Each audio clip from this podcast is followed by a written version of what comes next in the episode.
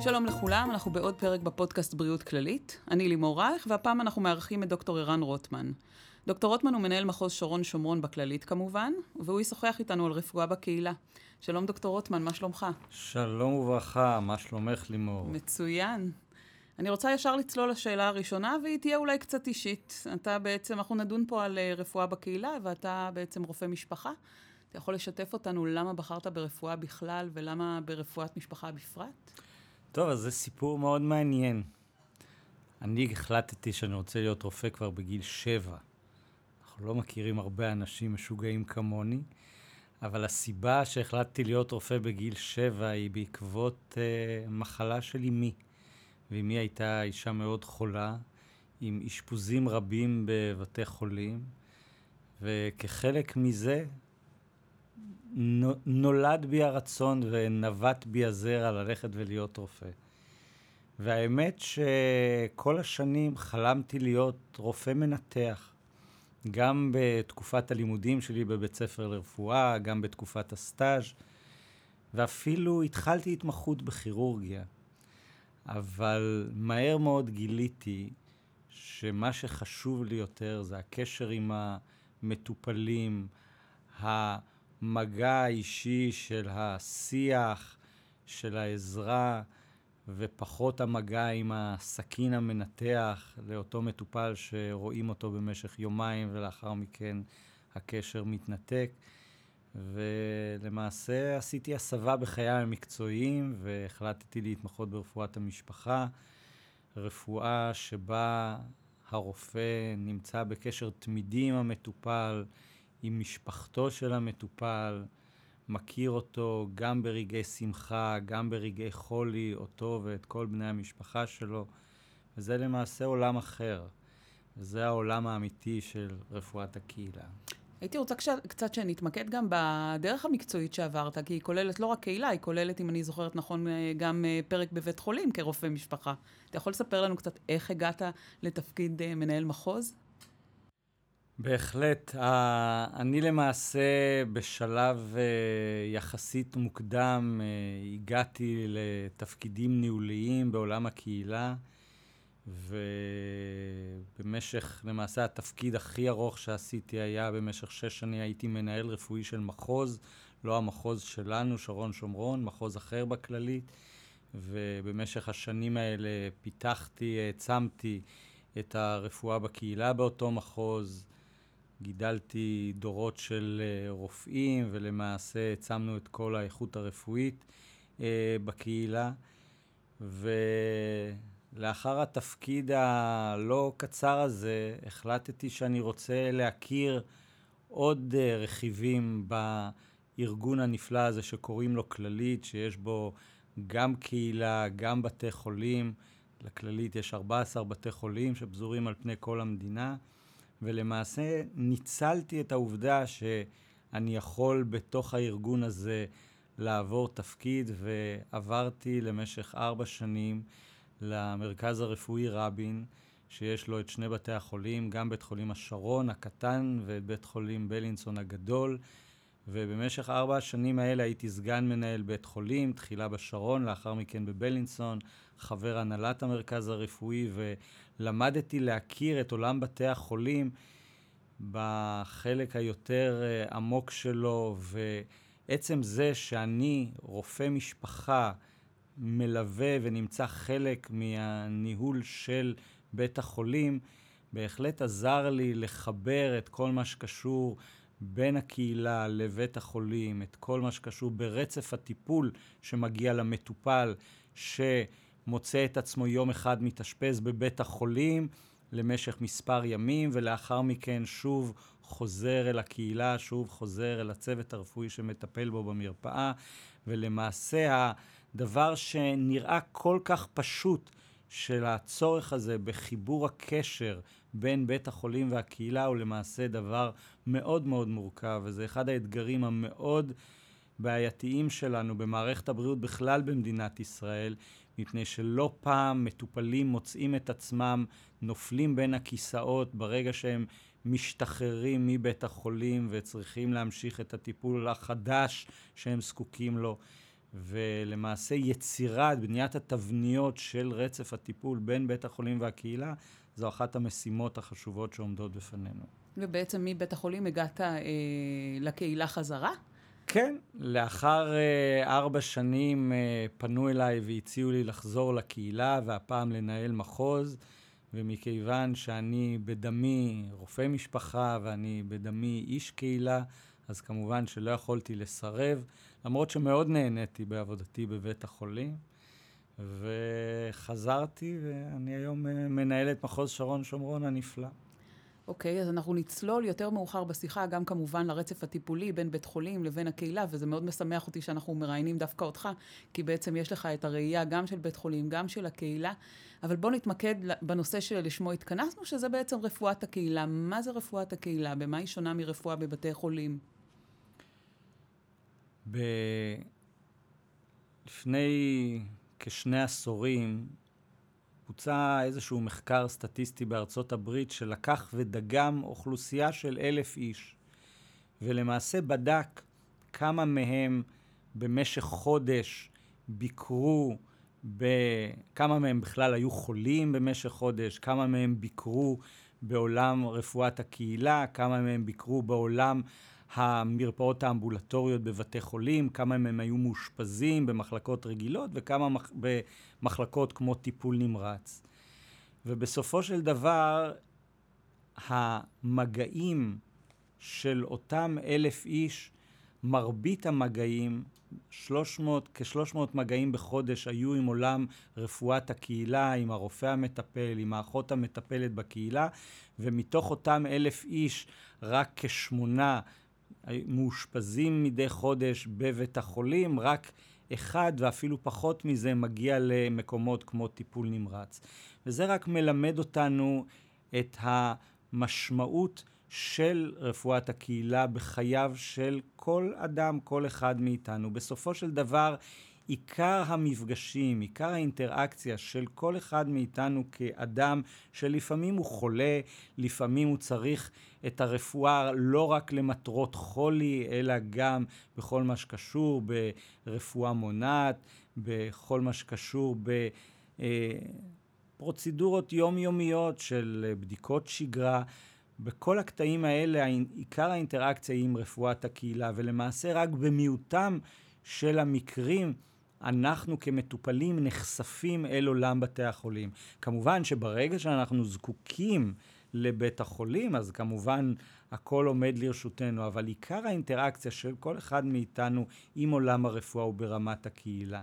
ואחד הדברים שמייחדים רופא משפחה, רופא שעוסק ברפואת הקהילה, הוא שאם הוא נמצא במשך 30 שנה בתפקיד, כמו שאנחנו מכירים לא מעט רופאים, הוא למעשה מלווה את ציבור המטופלים שלו משלב צעירותם ועד אה, היותם אנשים מבוגרים, וכמובן אנחנו יודעים שככל שאנחנו מתבגרים, התחלואה הכרונית שלנו הולכת וגוברת. אנחנו חווים משברים גם בחיים האישיים שלנו, גם בחיים המשפחתיים, בין אם זה על רקע רפואי, בין אם זה על רקע אחר, אבל גם משברים אחרים בחייו של כל אדם משפיעים גם על בריאותו, ולמעשה רופא הקהילה מוצא את עצמו לא מעט מלווה, מסייע, תומך, מעודד את המטופל בלא מעט קטעים לאורך חייו. וברפואת הקהילה אנחנו לא פעם לא רק מכירים את המטופל עצמו, אלא גם את בני המשפחה שלו. כשהמטופלים כבר מבוגרים, אנחנו מלווים את המטפלים העיקריים שלהם, את אותם בני משפחה או מטפלים אחרים שתומכים בהם ברגעי הקושי אה, לקראת אה, סוף החיים. שגם אותם, אתה אומר, אנחנו בטח מכירים מהמרפאה, שהם בוודאי. סביר להניח גם מטופלים של אותו רופא. נכון, ולמעשה ושוב, ברפואת הקהילה, שהיא כוללת גם רפואת ילדים, גם רפואת משפחה, אנחנו למעשה מטפלים בכל רצף החיים של, של האדם. וזה אחד הדברים המרתקים, כשלמעשה, כשאנחנו מדברים על רפואת הקהילה, אנחנו לא מדברים רק על רופאים. אנחנו מדברים על הרופא, על האחיות שעובדות לצידו, שתפקידן ברפואת הקהילה הוא עצום וחשוב, בין אם זה בכל מה שקשור בעיסוק ברפואה מונעת, ושוב, ב... אפילו בטיפול בפצע שאדם חווה ומגיע לאחות כדי שתטפל בפצע, שתחבוש אותו, ודרך עיסוק בדברים יותר משמעותיים, כמו, שוב, טיפולים בבית כשהמטופל כבר מרותק לביתו וצריך שהצוות הרפואי, שהאחות או הרופא יגיעו לביתו. ומעבר לאחות, יש גם את כל הצוות האחר שמלווה בקהילה, כל מקצועות הבריאות למיניהם, הדיאטניות, העובדות הסוציאליות, קלינאות תקשורת, פיזיותרפיסטיות, מרפאות בעיסוק, וכולם ביחד, כמו איזושהי תזמורת, למעשה עוטפים את המטופל בכל רגע שבו הוא זקוק, בכל רגע שבו הוא צריך. ואחד הדברים שאנחנו היום שמים עליהם דגש בקהילה, הוא לא לחכות שהמטופלים יפנו אלינו רק ברגע שהם באמת צריכים. אנחנו היום בצורה יזומה פונים אל המטופלים כדי לבוא ולאתר בצורה מוקדמת התחלה של חולי, כדי לבוא ולבצע בצורה יזומה ומוקדמת בדיקות שיכולות לאתר בשלבים מאוד מוקדמים מצבים של קדם חולי או חולי, לדוגמה בסוכרת למשל, ואחד הפוסטים היפים ששודרו לאחרונה היה בתחום הסוכרת. אנחנו היום, אחת המטרות שלנו היא לא לחכות שהמטופל כבר יחלה בסוכרת ואז יגיע לקבל טיפול ויגיע להתאזן ולקבל את כל הטיפול התרופתי שלו, אלא לבוא, לאתר עוד בשלב מוקדם סימנים לטרום סוכרת, ואז לבוא למטופל ולשוחח איתו ולבוא להגיד לו, בוא, על ידי שינוי של אורחות חיים, לא תרופות, פעילות גופנית, תזונה, הפסקת עישון, אנחנו יכולים לחולל פלאים ולמנוע את העובדה שאתה תהיה חולה בעתיד. והחיבור הזה, שיתוף הפעולה הזה עם המטופל, הרתימה שלו לעשות את השינוי הזה, שזה, כולנו יודעים שזה לא דבר קל לאף אחד מאיתנו, זה אחד האתגרים היפים שיש ברפואת הקהילה. מה שאתה בעצם אומר לנו זה שהמערכת הרפואת הקהילה לא אחראית עליי גם בחולי, רק בחולי, אלא בעצם גם כשאני בריאה, וגם אחראית על זה שאני אשאר בריאה. חד משמעית. עוד תחומים נוספים כדוגמה לנושא הזה זה חיסונים. אז כמובן כשאנחנו ילדים יש את כל סוגיית uh, שלבי ההתחסנות השונים בגילאים השונים, בחיסונים שקיימים היום ומאוד מומלצים uh, להתחסן בהם במערכת הבריאות. לאחר מכן יש את החיסונים העונתיים של חיסוני השפעת, שאנחנו יודעים עד כמה חשוב להתחסן לשפעת, בייחוד באוכלוסיות הסיכון של אותם חולים כרוניים, נשים צעירות בהיריון, אוכלוסיות ילדים. ודרך חיסונים לדלקות ריאה לאנשים מבוגרים, עיסוק ברפואה מונעת של בדיקות דם סמוי לגילוי מוקדם של סרטן המעי הגס, בדיקות ממוגרפיה לגילוי מוקדם של סרטן השד. כל אלה הם למעשה דברים שרפואת הקהילה עוסקת בהם שלא בתצורה של האדם החולה שבא אלינו. ואנחנו כל הזמן פונים אל המטופלים, לעודד אותם לבוא ולבצע את הבדיקות האלה, לבוא ולבצע את ההתחסנות, כי בסופו של דבר למטופלים אין את הידע המוקדם הזה, אין את המידע על החשיבות של ביצוע הפעולות האלה, וזה תפקידנו כרפואת הקהילה. אני רוצה שקצת נעשה סדר במונחים, כי אה, רפואת הקהילה אה, כוללת המון, והזכרת כל מיני... אנחנו לא ניכנס להכל. הזכרת קצת אשפוז בית, הזכרת רפואה מונעת. לא ניכנס להכל, אבל מבחינת מונחים שהם מאוד אה, בסיסיים, תעשה לנו קצת סדר. מה זה רפואה ראשונית? מה זה רפואה שניונית? מה זה רפואה שלישונית? האם שלושת סוגי הרפואה ניתנים בקהילה? אוקיי, okay. אז uh, אני אתחיל. Uh, רפואה ראשונית זה למעשה...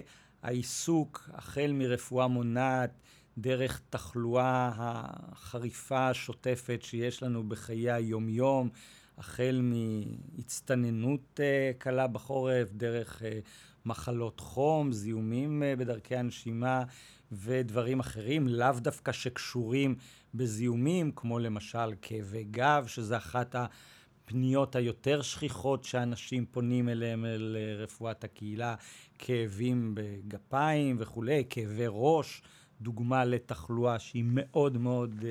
כל, כל צמד מילים כזה שאתה אומר, גם uh, כאבי גב, גם רפואה, uh, כאבי ראש, על זה גם יהיה לנו פרק, על כל אחד מהנושאים מצוין, האלה. מצוין, כי זה בהחלט חשוב להביא את המידע הזה לציבור המטופלים היקר שלנו. אז בעצם אתה אומר שזה, שזו רפואה ראשונית? נכון. עכשיו, רפואה ראשונית, אגב, היא גם רפואה ראשונית בתחום רפואת הנשים, לדוגמה, כל מה שקשור בהיריון ומעקבי הריון וכולי.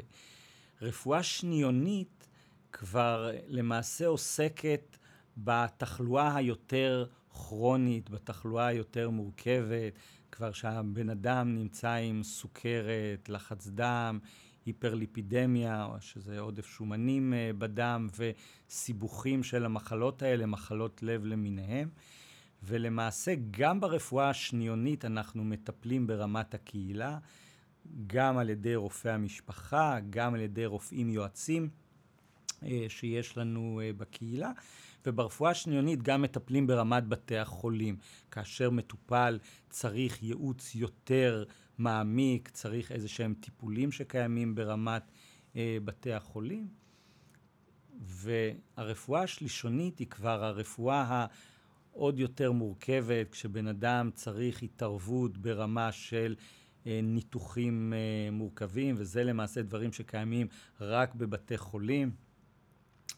ולמעשה הרצף הזה, החיבור בין רפואה ראשונית, שניונית ושלישונית והתקשורת ביניהם וזרימת המטופל ביניהם, היא גם לתפיסתי, כמו לתפיסת כל עולם רפואת המשפחה, אחד התפקידים החשובים של רופא המשפחה, מפני שבסופו של דבר אני כרופא המשפחה שלך מכיר אותך, מכיר את נקודות החולשה שלך, מכיר את הצרכים שלך, ואני, מעצם הכרה גם של התחלואה שלך, יכול לעשות את החיבורים המתאימים שאת צריכה כמטופלת לקבל בין הרפואה הראשונית לשניונית לשלישונית, ולמעשה גם כשאת נמצאת בכל אחת מהתחנות, אנחנו רואים את רופאי המשפחה כ... כגורם המתאם, כגורם המרכז של כל המעגל הזה, כדי שבסופו של דבר את תקבלי את הטיפול הטוב והמושלם שאת צריכה. בעצם מה שאתה אומר, שאתה בתור מנה, רופא משפחה מנהל את אותי בתוך מערכת הבריאות, אה, ודואג שאני אה, בעצם אמשיך להיות בריאה, ואם אני חולה, אתה גם תנהל אותי בדיוק לאן להגיע וממי לקבל טיפול ואיזה טיפול, שזה תפקידו העיקרי של אה, רופא המשפחה. אני לא יודעת אם העיקרי, אבל זה תפקידו של רופא המשפחה. זה בהחלט תפקיד מאוד מאוד מרכזי, ו... אנחנו נמצאים היום בעולם שבו הרפואה היא מאוד מאוד מתקדמת, היא מאוד מאוד משוכללת, היא מאוד מאוד טכנולוגית, עם אין סוף של טיפולים תרופתיים, עם אין סוף של תתי מקצועות בכל אחד מתחומי הרפואה. היום, לצורך העניין, ברפואה אורתופדית, זה לא רק אורתופדיה כללית, אלא היום כמעט לכל אזור בגוף יש תת uh, התמחות בתחום האורתופדיה, וכנ"ל בעיניים, וכנ"ל במקצועות אחרים. וכדי שאנחנו כמטופלים לא נלך לאיבוד בנבחי העולם המורכב הזה, ושבאמת uh, אנחנו גם היום חיים בעולם שהוא מאוד אינטרנטי, וכל אחד מאיתנו, ברגע שהוא חש איזשהו מכאוב, הוא ישר פותח את גוגל לראות מה יש לי. ו... זה גם אחד הדברים שלולי רופא המשפחה, שבאמת יוכל לבוא ולשים אותנו בפוקוס, לשים אותנו בכיוון הנכון, על סמך הניסיון שלו, על סמך הידע שלו, אנחנו באמת נמצא את עצמנו הולכים לאיבוד. וכמובן לפעמים נכנסים לחרדה בגלל שאנחנו כבר חושבים על הנורא מכל שיש לנו, כשבפועל זה איזשהו דבר פעוט וקטן שרופא המשפחה בהחלט יכול לפתור את הבעיה. כך ש... בהחלט התפקיד של רופא המשפחה הוא מאוד, כמו שאמרת, לנהל את הבריאות שלנו, לא רק את החולי, גם את הבריאות שלנו, ולמעשה להיות הגורם המכווין, הגורם המייעץ והגורם שבאמת יסייע לנו לעבור את החיים שלנו בצורה הכי בריאה שיכולה להיות. איך אנחנו בעצם יודעים או מודדים שאנחנו נותנים רפואה טובה? אה, אם אני מסתכלת על עולם בתי החולים, בהיגיון שלי זה מאוד קל, אז uh, בודקים את רמת הזיהום באותו בית חולים. איך אנחנו בודקים בקהילה מה נחשב uh, רפואה טובה, מה נחשב uh, שירות טוב? יש לנו, יש לנו מדדים uh, לאומיים, ארגוניים?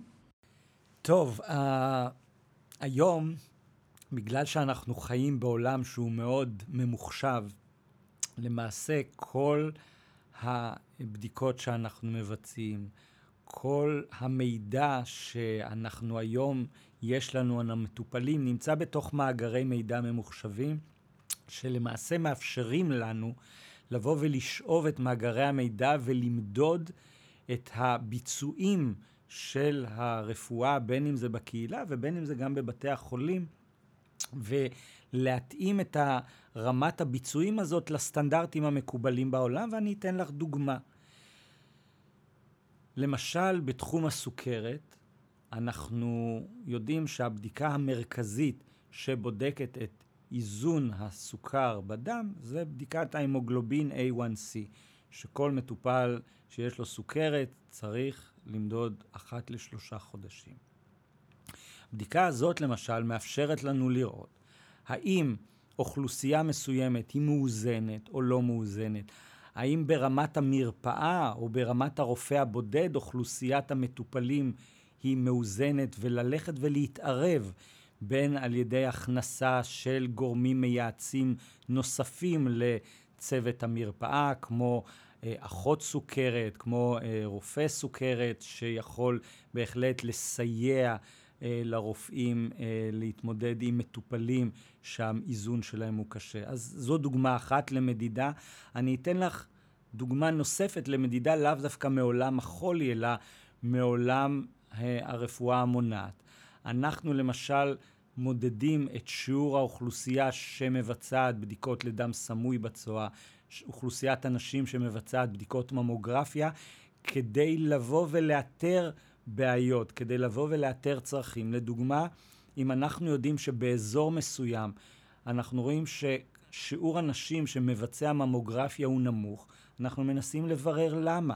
ואם אנחנו מזהים שמדובר בקושי בהגעה למכוני ממוגרפיה רחוקים לצורך העניין, אנחנו נביא ניידת ממוגרפיה, נציב אותה בקרבת המרפאה למספר ימים, ו...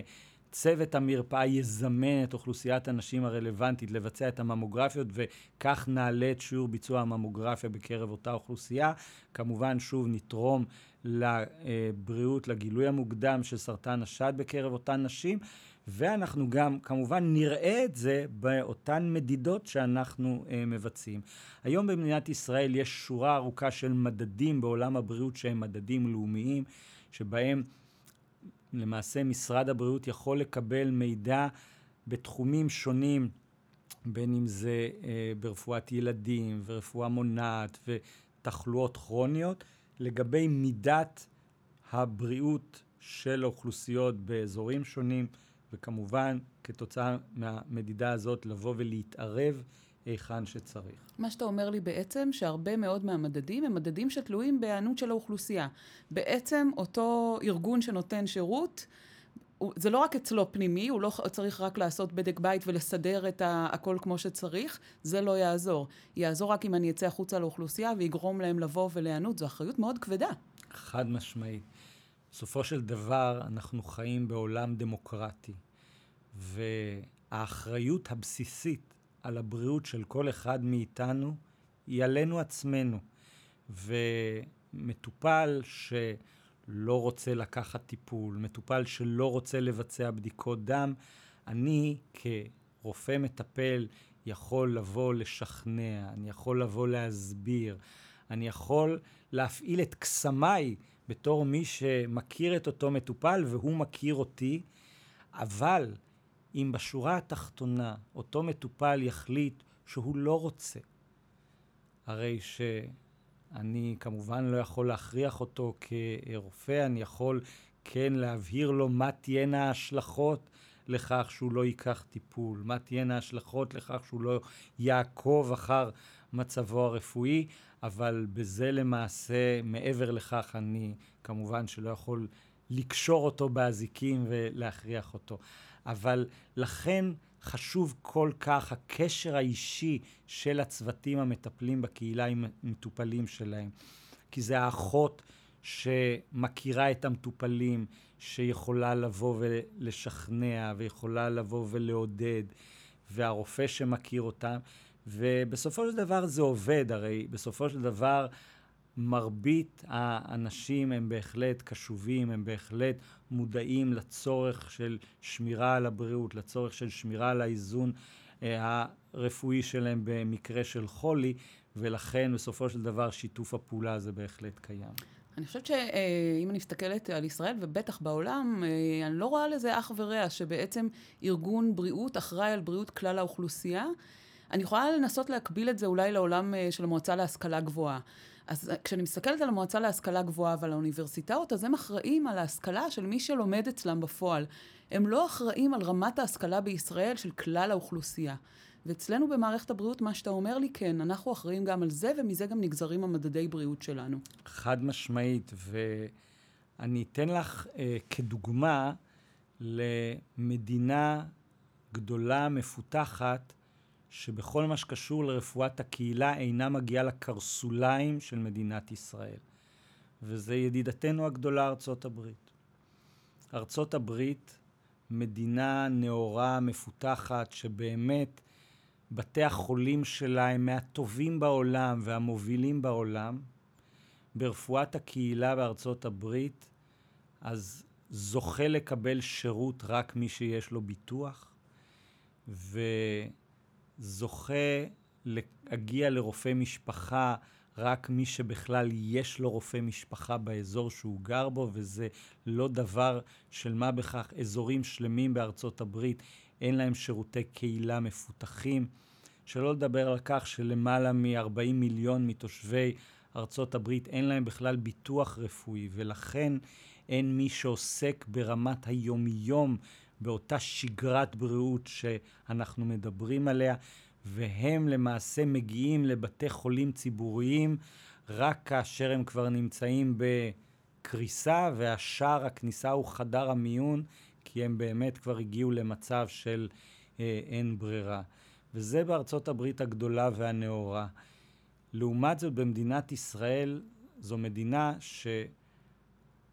שיש בה כבר משנת 95 את חוק ביטוח בריאות ממלכתי, שהחוק הזה בא ואומר שכל אדם שהוא תושב מדינת ישראל זכאי לקבל את השירות הרפואי בצורה שוויונית, בצורה זהה לכל אדם אחר, בין אם זה מבחינת מרחק, בין אם זה מבחינת רמת המקצועיות, ולמעשה במדינת ישראל כל אזרח מקבל בצורה שווה, בצורה הכי מקצועית, את כל השירותים הרפואיים על פי סל שהוא סל זהה לתושבי מדינת ישראל, שבאמת, כמו שאמרנו, כולל לא רק תרופות, אלא את כל השלבים שמלווים אדם בכל חייו ברמה הבריאותית, מחיסונים, בדיקות אה, לגילוי מוקדם אה, וכולי. כך שבהחלט רמת רפואת הקהילה בישראל היא מהגבוהות בעולם. ואגב, גם ארגון ה-OECD שישראל חברה בו, אה, בא וכבר לפני מספר שנים הצהיר על כך שרמת רפואת הקהילה בישראל היא באמת באמת גבוהה. בואו נדבר קצת על uh, מה, מה, מה הולך להיות הלאה, מה האג'נדה הלאומית בעצם כרגע והלאה, האם העברת שירותים מהקהילה לבתי החולים, או להסיט שירותים מבתי החולים לקהילה. סיפרתי על האחות, הדוד הגדול בארצות הברית ועל בתי החולים המאוד מפותחים שם. אחת הבעיות שלנו במדינת ישראל, ומערכת הבריאות שלנו לא חפה מבעיות, זה בתי החולים, ולמעשה מספר מיטות האשפוז לנפש שקיים במדינת ישראל, שלצערנו הוא מהנמוכים בעולם. אם דיברנו על כך שרפואת הקהילה בארץ היא מאוד מפותחת, אז כל מה שקשור לכמות מיטות האשפוז במדינת ישראל הוא מהנמוכים בעולם, מהנמוכים מבין מדינות ה-OECD. ומדינת ישראל היא מדינה שהיא מדינה מאוד צעירה ומדינה שהיא מאוד גדלה. האוכלוסייה במדינת ישראל גדלה בכשני אחוז אה, בשנה, אה, מבחינת ריבוי טבעי, לידות, ולמעשה, אנחנו מדינה שאנחנו כבר היום עם תשעה מיליון uh, תושבים. אגב, כשאני הייתי בבית ספר יסודי, אני עוד זוכר שבכיתה uh, ה' היו ארבעה מיליון בשנת ה-25 uh, למדינת ישראל. אנחנו כבר היום עם תשעה מיליון תושבים. זה בגלל שבסל הבריאות שלנו, אנחנו אירחנו פה את דוקטור גולד שדיברה על פוריות, בגלל שבסל הבריאות שלנו אנחנו גם מממנים... אמת. אנחנו, אגב, אחת ממדינות הפריון הגדולות בעולם. ובתי החולים לא גדלים בקצב של גדילת האוכלוסייה, וכתוצאה מכך אנחנו יותר ויותר רואים את מצוקת האשפוז. כל חורף אנחנו מדברים על הזקנה ששוכבת בפרוזדור, ולצערנו הרב, כל שנה אנחנו כבר רואים שלא רק בחורף המטופלים שוכבים בפרוזדורים במחלקות הפנימיות, אלא זה כבר מגיע גם לתקופות אחרות, בגלל שהאוכלוסייה שלנו נהיית יותר מבוגרת, בגלל שהאוכלוסייה שלנו נהיית יותר חולה עם מחלות כרוניות. ולמעשה נזקקת ליותר ויותר שירותים. ולמעשה בתי החולים במדינת ישראל נמצאים במצב שהוא כבר לקראת אי ספיקה. אגב, להקים בית חולים חדש במדינת ישראל לוקח עשר שנים. משלב החשיבה והתכנון ועד סיום הביצוע. בית החולים האחרון שנפתח במדינת ישראל לפני כשנתיים הוא בית החולים של... באסותא אשדוד. אבל למעשה 30 שנה לפני כן לא נפתח אף בית חולים, ואנחנו כרגע עוד לא רואים אפילו את היסודות לבית החולים הבא שייבנה במדינת ישראל. שמן הסתם אנחנו לא מדברים רק על אה, יסודות הזה, אלא אני מניחה שזה דברים של עניינים של רגולציה ושל אה, זה רגולציה. תכנון. זה, זה לא רק זה. לפתוח בית חולים זה לא רק חדרים ומיטות וברזים, זה גם צוות רפואי. זה להכשיר עוד רופאים ועוד אחיות, כי אם עכשיו, מחר בבוקר, פותחים עוד בית חולים במדינת ישראל, הרי, הרי לא צצים מאף מקום רופאים שאפשר למשוך אותם מתוך האריזה ולהציב אותם, וכנ"ל לא אחיות. להכשיר רופא זה שבע שנים הכשרה בסיסית ועוד בין חמש לשמונה שנים הכשרה לתחום ההתמחות שלו, להכשיר אחיות זה גם מספר שנים, ולכן זה תהליך שהוא תהליך שצריך להיות ארוך טווח. ומכיוון שאנחנו נמצאים באי ספיקה מבחינת מערכת בתי החולים שלנו, ומכיוון שהקהילה שלנו כל כך מפותחת, הרי שאין מנוס מכך שההסתה של הפעילות הרפואית צריכה להיות מבתי החולים לקהילה. ומה שמסייע לנו היום בתחום הזה זו הטכנולוגיה, מפני שהיום הקהילה יכולה להיות הרבה הרבה יותר מפותחת בזכות טכנולוגיות כמו שירותי רפואת אונליין, שהיום רופא, אחות לא חייבים להיות במגע פיזי עם המטופל. מטופל יכול להיות בבית והם יוצרים איתו קשר, בין אם זה שיחת טלפון בסיסית, אבל גם שיחת וידאו שבו הם גם רואים את המטופל, מדברים איתו, רואים איך הוא מדבר, אם יש איזושהי מצוקה. אבל לא זו בלבד, יש לנו היום גם אמצעים טכנולוגיים שמאפשרים לנו לבצע ניטור מרחוק אה, למטופלים. צמיד שנמצא על ידו, מדבקה שמודבקת על גופו של מטופל, מאפשרים לנו היום לנטר אותו בפרמטרים שונים של חום ודופק ולחץ דם ונשימות ועוד הרבה דברים אחרים, ולמעשה מטופל היום, גם אם הוא חולה בתחלואה חריפה, שעד לפני מספר שנים היה צריך להתאשפז בבית חולים, לקבל מספר ימים טיפול אנטיביוטי דרך הווריד ולהיות בהשגחה, היום מטופל כזה במצבים מסוימים, לא בכל מצב רפואי, יכול להישאר בביתו, צוות רפואי מגיע אליו, רופא יגיע פעם ביום, אחות אפילו תגיע פעמיים ביום כדי לחבר אותו לטיפול התרופתי שהוא צריך. ניתן לבצע מעקב מרחוק אחר מצבו של המטופל. כמובן, אם המטופל חש ברע, הוא ישר יוצר קשר אונליין עם הצוות שמטפל בו, ולמעשה מטופל נשאר בסביבה הביתית שלו, במקום להתאשפז בבית החולים. אגב, ויש לזה לא מעט יתרונות. מעבר לסיבה של אוקיי, המטופל הזה לא ישכב בפרוזדור בבית החולים. אנחנו יודעים היום שסביבת בתי החולים היא סביבה עם זיהומים של חיידקים עמידים, שאף אחד מאיתנו לא רוצה אה, להידבק בהם. אנחנו יודעים שכשמטופל חולה, הדבר האחרון שהוא צריך זה רעש והמולה מסביבו ועוד חולים ששוכבים מהצדדים שלו ובני משפחות של חולים אחרים שנמצאים בחדר בו הוא נמצא. אנחנו מכירים את הסיטואציות האלה. כל מי שהיה בבית חולים יודע שזה, זו הסביבה של בית החולים, זו הסביבה הטבעית של בית חולים.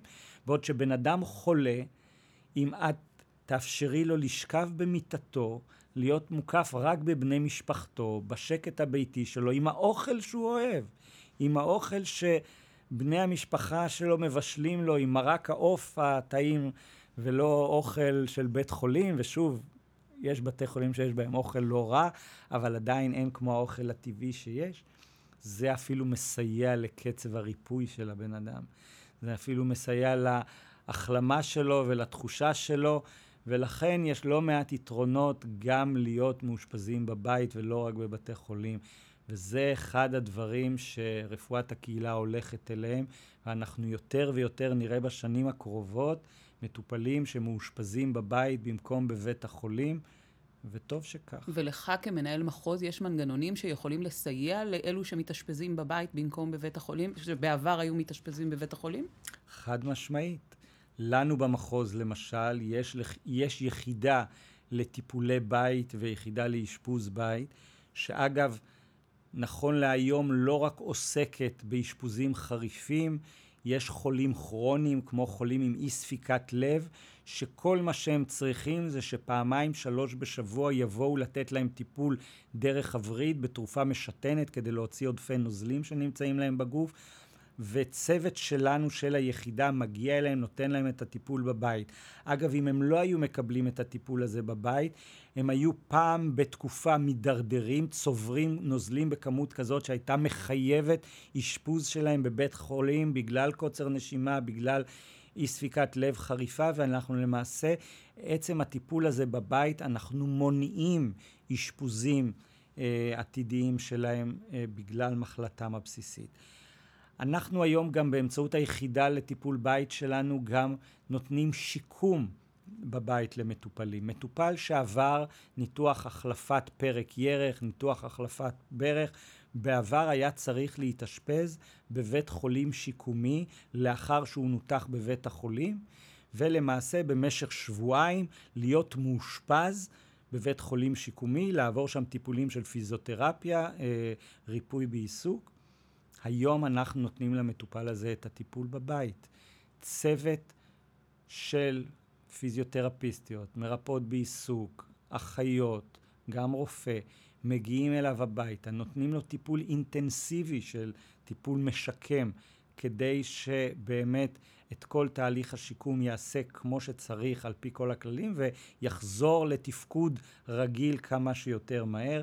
ולמעשה היום יש חבילות שיקום, שכל מטופל כזה מקבל חבילת שיקום, ולמעשה בתום של שבועיים, ואם צריך יותר, למעשה חוזר לתפקוד תקין לאחר הניתוח שהוא עבר.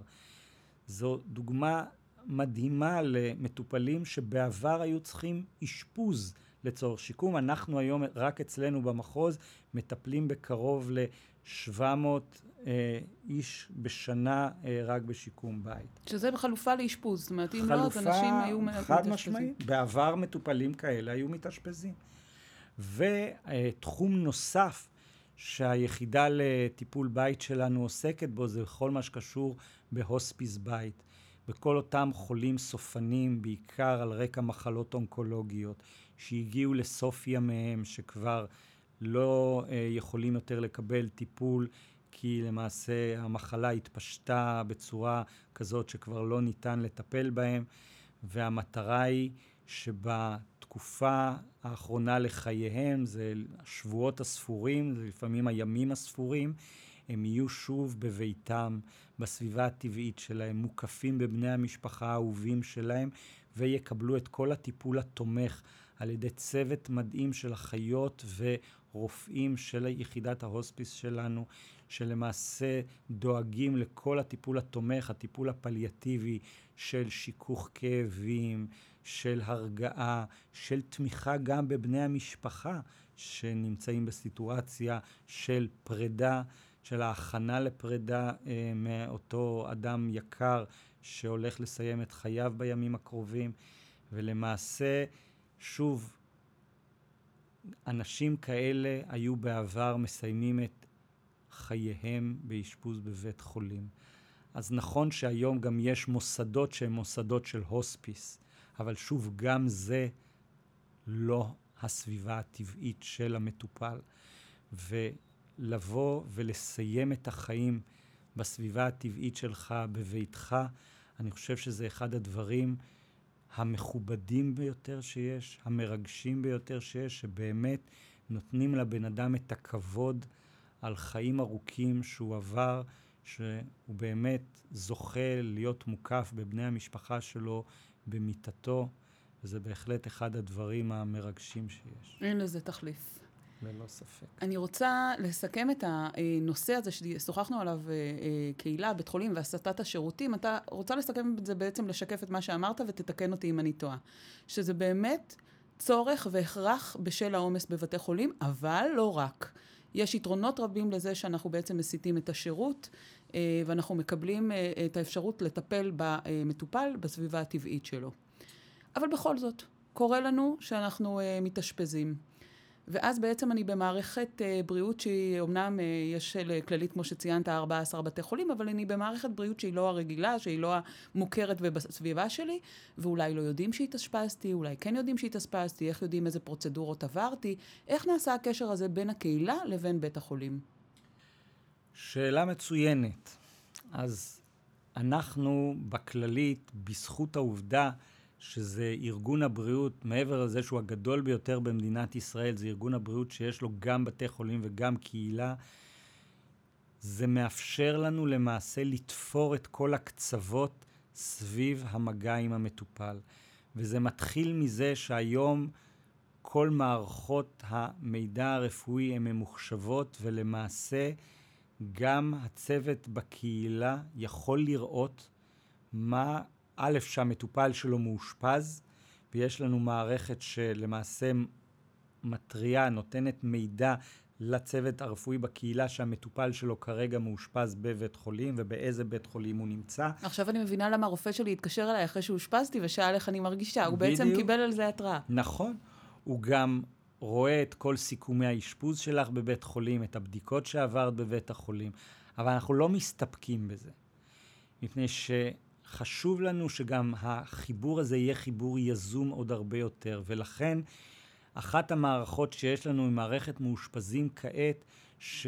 ושחרור מתוכנן, שבה גם הצוות הרפואי בבית החולים, האחיות בבית החולים, למעשה מעבירות מידע יזום לצוות בקהילה, כי לצורך העניין, אם הצוות בבית החולים, במחלקה שבה המטופל מאושפז, יודע שהוא יזדקק עם צאתו מאשפוז לחמצן, למכשור רפואי כזה או אחר, הוא יזדקק לאיזושהי תרופה מסוימת, מיוחדת, שצריך להיערך אליה, הוא כבר מודיע מראש לצוות בקהילה, שימו לב, המטופל הזה צפוי להשתחרר בעוד יומיים, וחשוב שתיערכו אה, על ידי, ל, לקבל אותו ולתת לו את כל מה שהוא צריך. אנחנו גם לא מסתפקים בכך. יש היום לקהילה אחות קשר שנמצאת בבית החולים, שמגיעה פיזית למטופלים, שמדברת פיזית עם הצוות המטפל במחלקה שבה הוא מאושפז, כדי שוב לתפור קצוות ולחבר. והדבר האחרון שבשנה האחרונה יזמנו, אנחנו מחוז שרון שומרון, שבית החולים של כללית שנמצא בתחומו הוא בית החולים מאיר, למעשה יצרנו תפקיד שקוראים לו מתאמת שירות קהילה בבית החולים. וזה למעשה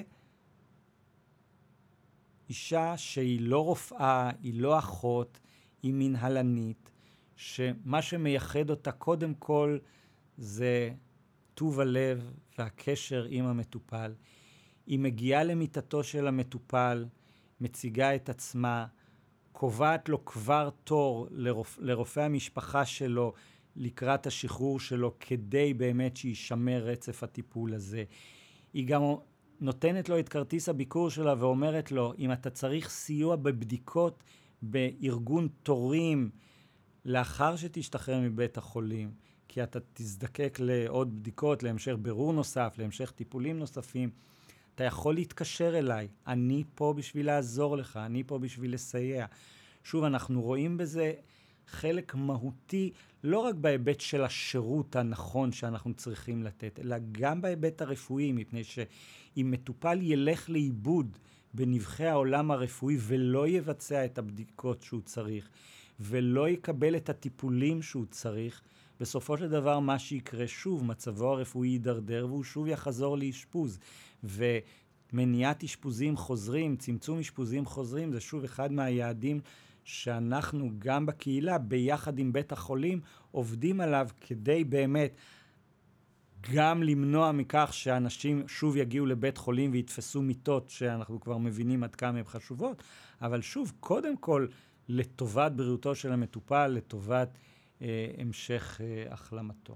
אנחנו בכל נושא ונושא ונושא חוזרים לזה שבעצם אנחנו אה, כארגון, לא סתם כללית למען חיים בריאים בישראל זה החזון, אה, דואגים לבריאותו של המטופל ולא רק אה, אה, כשהוא חולה. אני רוצה לפתוח סוגריים די גדולים ול, ולדבר קצת על אה, רפורמה שהייתה לא מזמן, בעצם רפורמה בבריאות הנפש, שגם באמת דיברה על הסטה של שירותים מכאן לכאן. תוכל קצת לתאר לנו מה כללה הרפורמה הזו, וגם כמובן אה, נשאל את דעתך.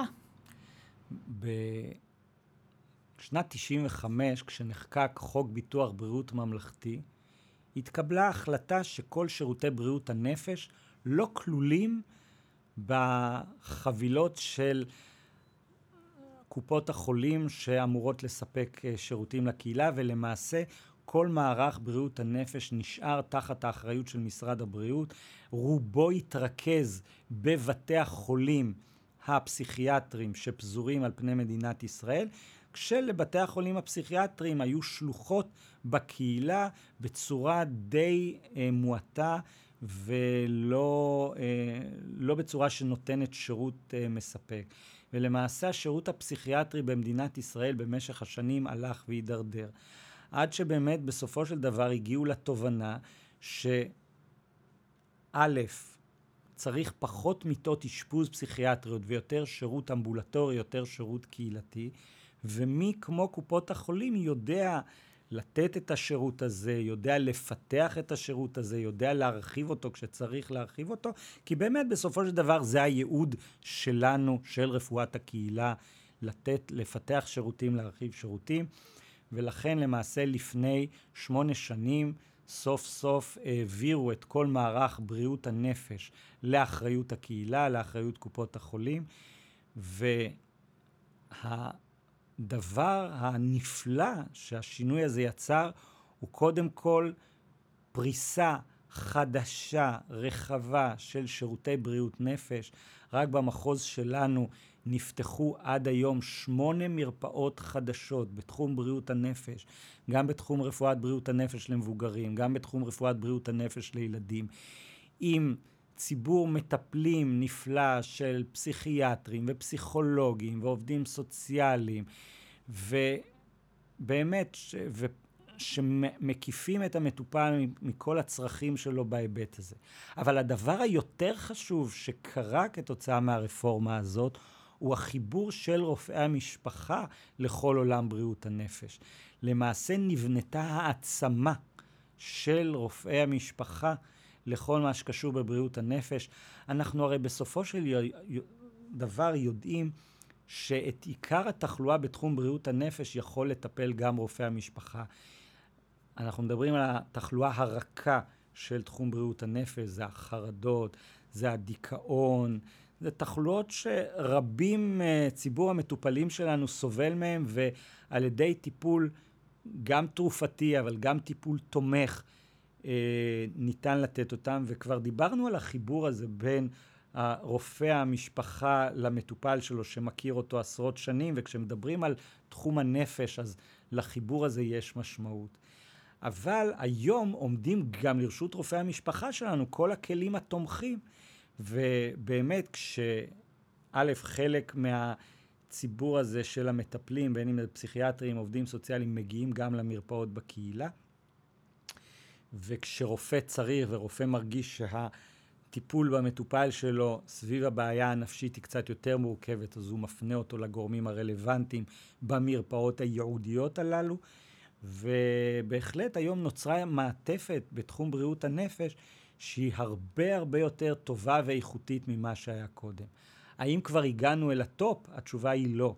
אנחנו רק בתחילתו של תהליך, היום עדיין התורים בתחום בריאות הנפש הם ארוכים ואנחנו כל הזמן עוסקים בעוד הכשרה של ציבור מטפלים, בעוד בנייה של מרפאות, אבל אין ספק שהתהליך הזה הוא תהליך חשוב ביותר. אם אנחנו, אם הזכרת את ארצות הברית, אז בעצם בתהליך שקרה שם, שניסו להעביר uh, את uh, כובד המשקל uh, בבריאות הנפש מבתי החולים פסיכיאטריים אל הקהילה, הקהילה לא ידעה איך לקבל את זה. ויש המון עבודות על, על בעצם חולים מתמודדי נפש שהפכו להיות הומלסים בהרבה מהמקרים. אתה לא רואה את זה קורה פה. ברור, כי שוב, אנחנו חוזרים לבסיס, והבסיס של רפואת הקהילה במדינת ישראל הוא איתן. והוא מהטובים בעולם. וברגע שהיום לכל מטופל במדינת ישראל יש רופא משפחה שהוא שייך אליו, אז כבר למעשה יש לנו את החיבור הראשוני הזה שיודע לטפל במטופל ולהכווין אותו לאן שצריך ומתי שצריך. אוקיי. Okay. אני רוצה לנסות uh, לסכם את הפרק הזה, למרות שזה נושא רחב ומורכב ונגענו ממש רק בקצה המזלג. אבל בכל זאת לשאול אותך, איפה אתה רואה את רפואת הקהילה בעוד עשר שנים, עשרים שנים? אז רפואת הקהילה, קודם כל, לא תיעלם מן העולם. במערכת הבריאות מדברים על כל מיני מקצועות שעם כניסה של אה, מחשוב וטכנולוגיה ייעלמו. לדוגמה, רנטגנולוגים שמפחנחים צילומי רנטגן, או פתולוגים שקוראים דגימות פתולוגיות. כל העולם כבר מדבר על זה שבעוד אי אלו שנים אה, מחשבי על אה, שעובדים עם בינה, אה, בינה חכמה, למעשה יעשו את כל הפענוחים האלה. לרפואת הקהילה, לרפואת המשפחה אין תחליף. כי אין תחליף בסופו של דבר למגע הישיר עם המטופל, ליכולת של המטופל ליצור קשר ולפנות לצוות המטפל שלו בקהילה מתי שהוא צריך. אבל יחד עם זאת, הטכנולוגיה שקיימת כן תסייע לנו להעמיק את הקשר הזה. ואם uh, היום אנחנו מדברים על כך שרפואת ה... הרפואה בכלל בקהילה עובדת בשעות מוגדרות, בימים מוגדרים, הרי שהחזון שלנו היא, הוא שרפואת הקהילה תינתן 24/7 ובכל מקום שבו המטופל נמצא. ולמה הכוונה? היום, גם אם את נוסעת לטיול בנפאל, כבר היום, אם את צריכה לקבל שירות רפואי מהרופאים שלך בכללית, אז יש את שירותי האונליין של שירותי רפואה שניתנים באונליין, בשיחת וידאו, ולמעשה רופא היום יכול לתת לך ייעוץ גם אם את נמצאת בנפאל. אני חייבת לתת על זה דוגמה. יש לי חברה שנסעה לקובה, ובעצם גילתה איזושהי, במהלך הטיול גילתה פריחה בבטן, התקשרה לרופא עור אונליין, הוא אבחן דרך הווידאו צ'אט, שבעצם יש לה, ודרך תשאול כמובן, שיש לה אה, אלרגיה למוחיטו. אה, וברגע שהיא הפסיקה לשתות זה עבר. אז בעצם היא חזרה לארץ והיא הרגישה שהיא בכלל לא הייתה צריכה ביטוח רפואי. עכשיו, זה לא אומר שזו המלצה לא לעשות ביטוח רפואי, אבל משמעית. תראה איך, איך, איך הטכנולוגיה התפתחה עד כדי כך שאני יכולה לדבר עם רופא עור באמצע טיול. נכון. ואנחנו היום הולכים לכיוון שבו כל אחד מהמטופלים גם יוכל לתקשר בסופו של דבר עם הרופא המטפל האישי שלו, לא רק עם רופא אונליין ש... למעשה נותן שירותים דרך מוקד, אלא עם הרופא האישי שלו, בכל האמצעים הטכנולוגיים הקיימים, וגם מעבר לשעות הפעילות, בין אם זה טכנולוגיות של וואטסאפ וטכנולוגיות של אה, שיחות וידאו וכולי. לכללית, אגב, יש היום את מכשיר הטייטו, שזה מכשיר שמאפשר בדיקה גופנית מרחוק, בדיקה של האזנה לריאות, האזנה ללב, בדיקת אוזניים, בדיקת לוע, שהכל מתבצע אה, מרחוק, הרופא יושב היכן שהוא יושב, המטופל נמצא היכן שהוא נמצא, ולמעשה אה, יכולים גם לבצע בדיקה מרחוק. ואני מאמין שהעולם המאוד מאוד טכנולוגי שאנחנו נמצאים בו יאפשר שעוד ועוד תהליכים בהחלט יעזרו לשיפור הקשר, לדוגמה, חולים סוכרתיים, אני מאמין שלא בעוד הרבה זמן כל נתוני הסוכרת שלהם ישודרו באופן ישיר ורציף אה, לתיק הרפואי שלהם והרופא יוכל לראות ולקבל התראות ואם יש איזשהו שינוי לידע את המטופל. כך שבהחלט אנחנו נמצאים בעידן שבו גם הטכנולוגיה תלך ותסייע בחיבור ובשיפור הטיפול הרפואי שאנחנו נותנים למטופלים שלנו בקהילה, אבל בסופו של דבר, וזו נקודת המפתח, אין תחליף לקשר האישי, והקשר האישי בין המטופל לצוות המטפל שלו, בין אם זו האחות, בין אם זה הרופא, הם בהחלט אלה שינצחו על המלאכה. אה, יש לנו פרק אה, בפודקאסט בעצם שמדבר על אה, בריאות דיגיטלית ועל חדשנות. כשבעצם אני מסתכלת על רפואת הקהילה, שזה בדיוק הולך בד בבד עם זה. אם אנחנו מדברים על חדשנות ועל העולם החדש, זה אומר שבעצם אל תפריע לי כבן אדם ברוטינה היומיומית שלי, אלא תשתלב בתוכה. ורפואת הקהילה, כפי שאתה מתאר אותה, גם היום וגם בעוד 20, 10 שנים, בהחלט אה, משתלבת ביומיום שלי. דיברת על הטייטו, דיברת על האונליין. אני עושה את זה על הדרך, ועדיין אתם, אה, אה, אנחנו משמעותיים למטופל ולבריאות שלו. אני רוצה שנסכם אה, באיזשהו מסר. אני מניחה שיש לך מסר לילד בן שבע, כמו שאתה היית, שחולם ללמוד רפואה. עדיין היית אה, ממליץ לו כן ללכת לתחום הרפואה ולתחום אה, רפואת המשפחה? חד משמעית. זה עולם נפלא, עולם מרתק, ומדינת ישראל שגדלה בקצב כל כך גדול, זקוקה להרבה רופאים, להרבה אחיות. ולכן הכניסה לתחום הזה שהוא מרתק ושרק צומח ומתפתח בקנה מידה אדיר, לא מדי פעם בחמש שנים, אלא היום ברמה של פעם בכמה חודשים. זה עולם שחשוב וכדאי להיכנס אליו, ובתוך כל העולם הזה, מי שאוהב את החיבור ואת הקשר לאדם ואוהב לעזור, אז רפואת הקהילה היא עבורו. אז תודה לך, ותודה לכל המאזינים, ותודה לכל ילדי בני השבע שחולמים להיות רופאים ובכלל אנשי מקצוע. תודה רבה. תודה לימור.